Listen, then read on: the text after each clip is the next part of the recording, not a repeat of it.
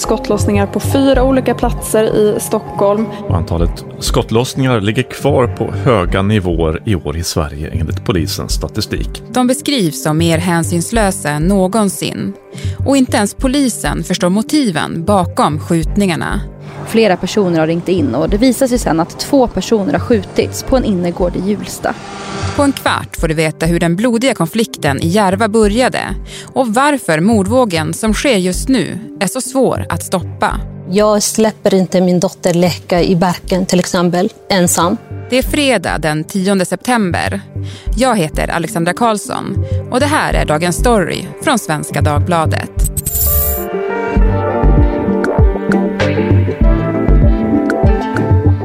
Frida Svensson, grävande reporter här på Svenska Dagbladet. Förra veckan vaknade vi till nyheten att det skett skottlossningar på fyra olika platser i Stockholm under en enda natt. Under sommaren så sköts 38 personer och sju dödades. Vad är det som händer i Stockholm egentligen?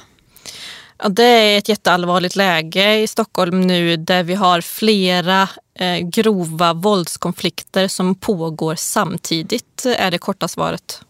Polisen hör man ju ibland prata om röda konflikter. Vad betyder det? Ja, polisen jobbar mycket efter lägesbilder, både regionala lägesbilder och nationella lägesbilder eh, för att se förändringar i konflikterna. Och då brukar man prata om eh, grönt läge, gult läge och, och rött läge. Och när det går från gult till rött, då är det en konflikt där man, som har eskalerat till våld. Eh, där det till exempel sker dödsskjutningar. Och nu i Stockholm så har vi ju en, en väldigt allvarlig röd konflikt i, i Järvaområdet eh, i nordvästra Stockholm. Och är det mer röda konflikter nu än vad det brukar vara? Ja, det skulle man kunna säga. För nu har ju också Region Stockholm fått förstärkning från eh, Göteborgstrakten, Region Väst och även från eh, experter inom grova brott eh, vid eh, nationella operativa avdelningen. Så nu är det en, en tillfällig förstärkning i just Stockholmsområdet för att försöka dämpa den här mordvågen som vi befinner oss i. Två personer avled efter en skottlossning på ett café i Rinkeby i nordvästra Stockholm på fredagskvällen. Ett område sticker ut i rapporteringen om gängvåld och skjutningar. Järva i nordvästra Stockholm. Dit hör Husby, Rinkeby och Tensta. Alla klassades som särskilt utsatta av polisen. Men för att förstå konflikten måste vi gå tillbaka till 2015, året då gängkriget startade. Ett kompisgäng från Järva rånade ett växlingskontor i Täby. Bytet var två miljoner kronor. Men kuppen väckte ilska och avundsjuka hos några i gruppen som inte fått vara med. Sen gick det snabbt. Redan samma kväll mördades en 19-åring som var med vid rånet. Dagen efter dödades en 16-årig pojke i en hämndaktion. Från en dag till en annan blev de tidigare barndomsvännerna dödliga fiender. Och utifrån vem av de två offren man sympatiserade med valde man sida. Den ena grupperingen blev kända som Shottaz, den andra som Dödspatrullen. Det gjordes stora insatser från lokalsamhällets sida för att försöka bromsa konflikten vid de här två första morden. Men det gick inte. Väldigt grova våldshandlingar följde, till exempel skjutningar på kaféer som ledde till ett dubbelmord och även en avrättning inne på en pizzeria i Rinkeby. Så det grova skjutvapenvåldet i Stockholm har eh, på ett sätt haft sitt epicentrum i Järva där den här ursprungskonflikten mellan de här grupperingarna har stått för en stor del av våldet. Och idag så ser vi då att det fortfarande är Järva som han har fokus på. Men nu har det kommit upp andra grupperingar där. Vad vet vi om dem? Ja, för att förstå vad som händer nu så kan man först backa tillbaka till en rättegång sensommaren förra året. Då dömdes fem personer från det här nätverket kallat Dödspatrullen. De fälldes för ett, att ha utfört ett dubbelmord i Danmark. De går helt på åklagarens linje, köper hela den bevislinje som handlade om att eh, de eh, brände ju aldrig flyktbilen efter dubbelmordet i förra sommaren.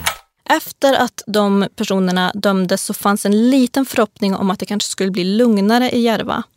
Men istället så har det skett en, en maktkamp kan man säga där den yngre generationen försöker fylla det här vakuumet som har uppstått. Där det är en, en, en dödlig kamp om både narkotikamarknaden, om statusen, om vem som ska bli nästa gängledare. Så det är en delförklaring till det dödliga våldet vi, vi ser ske just nu. Och vilka är då de här killarna som skjuter just nu? Vad är det för gäng?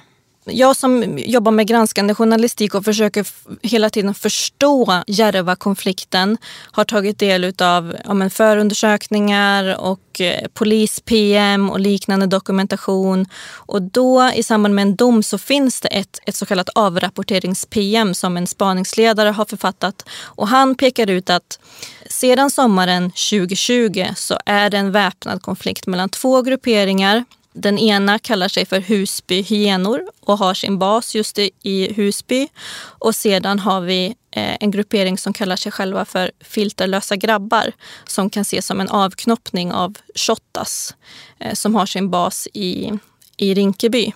Och de här två eh, nygamla eh, grupperingarna, kanske man skulle kunna kalla dem, ligger i en väpnad konflikt som har lett till flera mord men kan du säga någonting mer om de nätverken? Ja, mellan de nätverken så kan man se att det har skett eh, närmare ja, 20 skjutningar och flera mord. Och båda sidor har väldigt stor tillgång till, eh, till vapen. Och eh, Husbys hyenor bedriver en väldigt omfattande narkotikahandel. Och eh, en eh, annan intressant eh, brottslighet som har seglat upp här på, på agendan är bedrägerier mot äldre där man har kommit över bankuppgifter. Och där kommer det snart ske en, en rättegång. Och vissa individer eh, som har åtalats för den här brottsligheten eh, kan man koppla till eh, grupperingen filterlösa grabbar. Och det är en typ av brottslighet som man inte kanske är van att se i just när man pratar om gängkriminalitet? En poliskälla sa till mig att det är inte alls förvånande att eh, man ser att de tillskansar sig pengar på ett kriminellt sätt inte bara genom narkotikan. För ja, men de, de, de här personerna söker snabba cash eh, nästan eh, på vilket sätt som helst. Eh, och i det här fallet med bedrägerierna, då handlar det om uppemot eh, 5 miljoner. I Stockholm finns ungefär 50 olika gänggrupperingar med runt 1500 personer enligt polisen. Det finns gäng med en tydlig hierarki. Ett exempel är Vårbynätverket med bas i södra Stockholm. Gruppen uppmärksammades i somras när stora delar av ledarskiktet fängslades. De har pengar, de har våldskapital med att de har haft eh, automatvapen, mycket ammunition, handgranater. Vårbynätverket är uppbyggt likt en maffia med en stark ledare i toppen. Under sig har han kaptener som ansvarar för olika områden som i sin tur ger order till kaptener i fält. Längst ner finns springpojkarna. Men det är sällan gängen har en sån tydlig hierarki. Till exempel handlar den pågående gängkonflikten i Järva både om konflikter mellan gängen och inom gängen. Lojaliteter skiftar snabbt. Så har de på väldigt kort tid radikaliserats och i det här våldet och vänt sig mot varandra.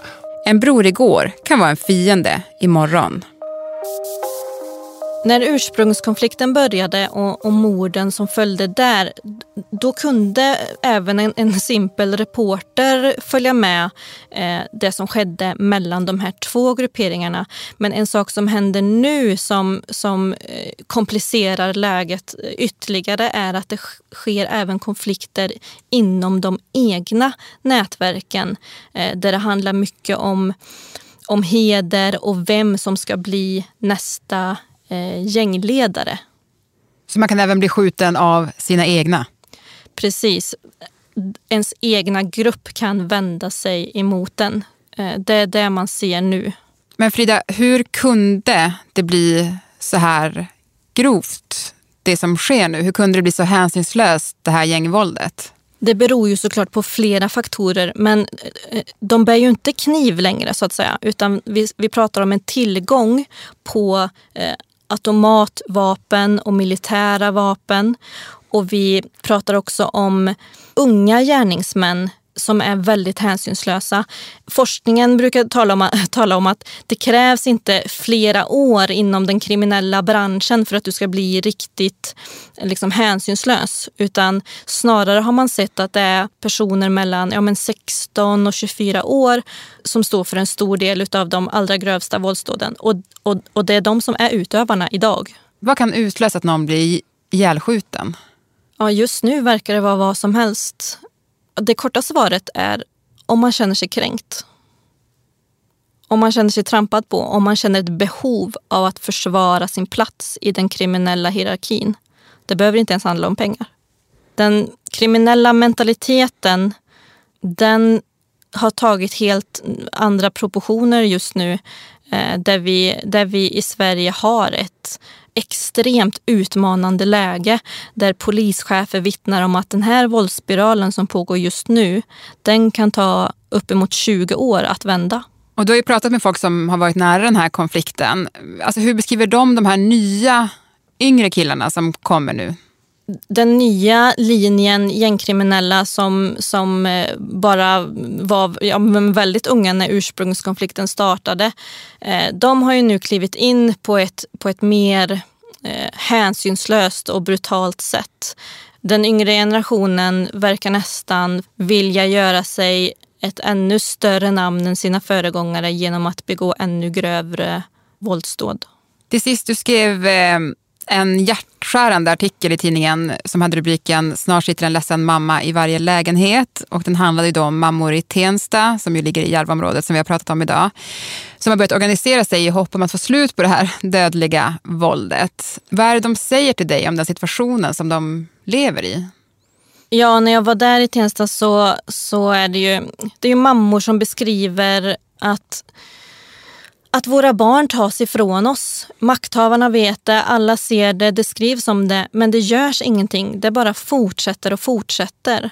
Det handlar ju om, om en uppgivenhet ofta. Att man, man ångrar kanske att man kom till Sverige överhuvudtaget. Man kom hit för att söka skydd. Många har flytt från ett inbördeskrig i Somalia eller flytt en, en förtryckande regim i Syrien och nu nu eh, känner man att den där tryggheten som man, man hoppades på, den, den finns inte. Tack Frida Svensson för att du var med i Dagens Story. Tack så mycket. Programmet idag producerades av Gabriella Lahti. Redaktör var Maria Jelmini. Och jag heter Alexandra Karlsson.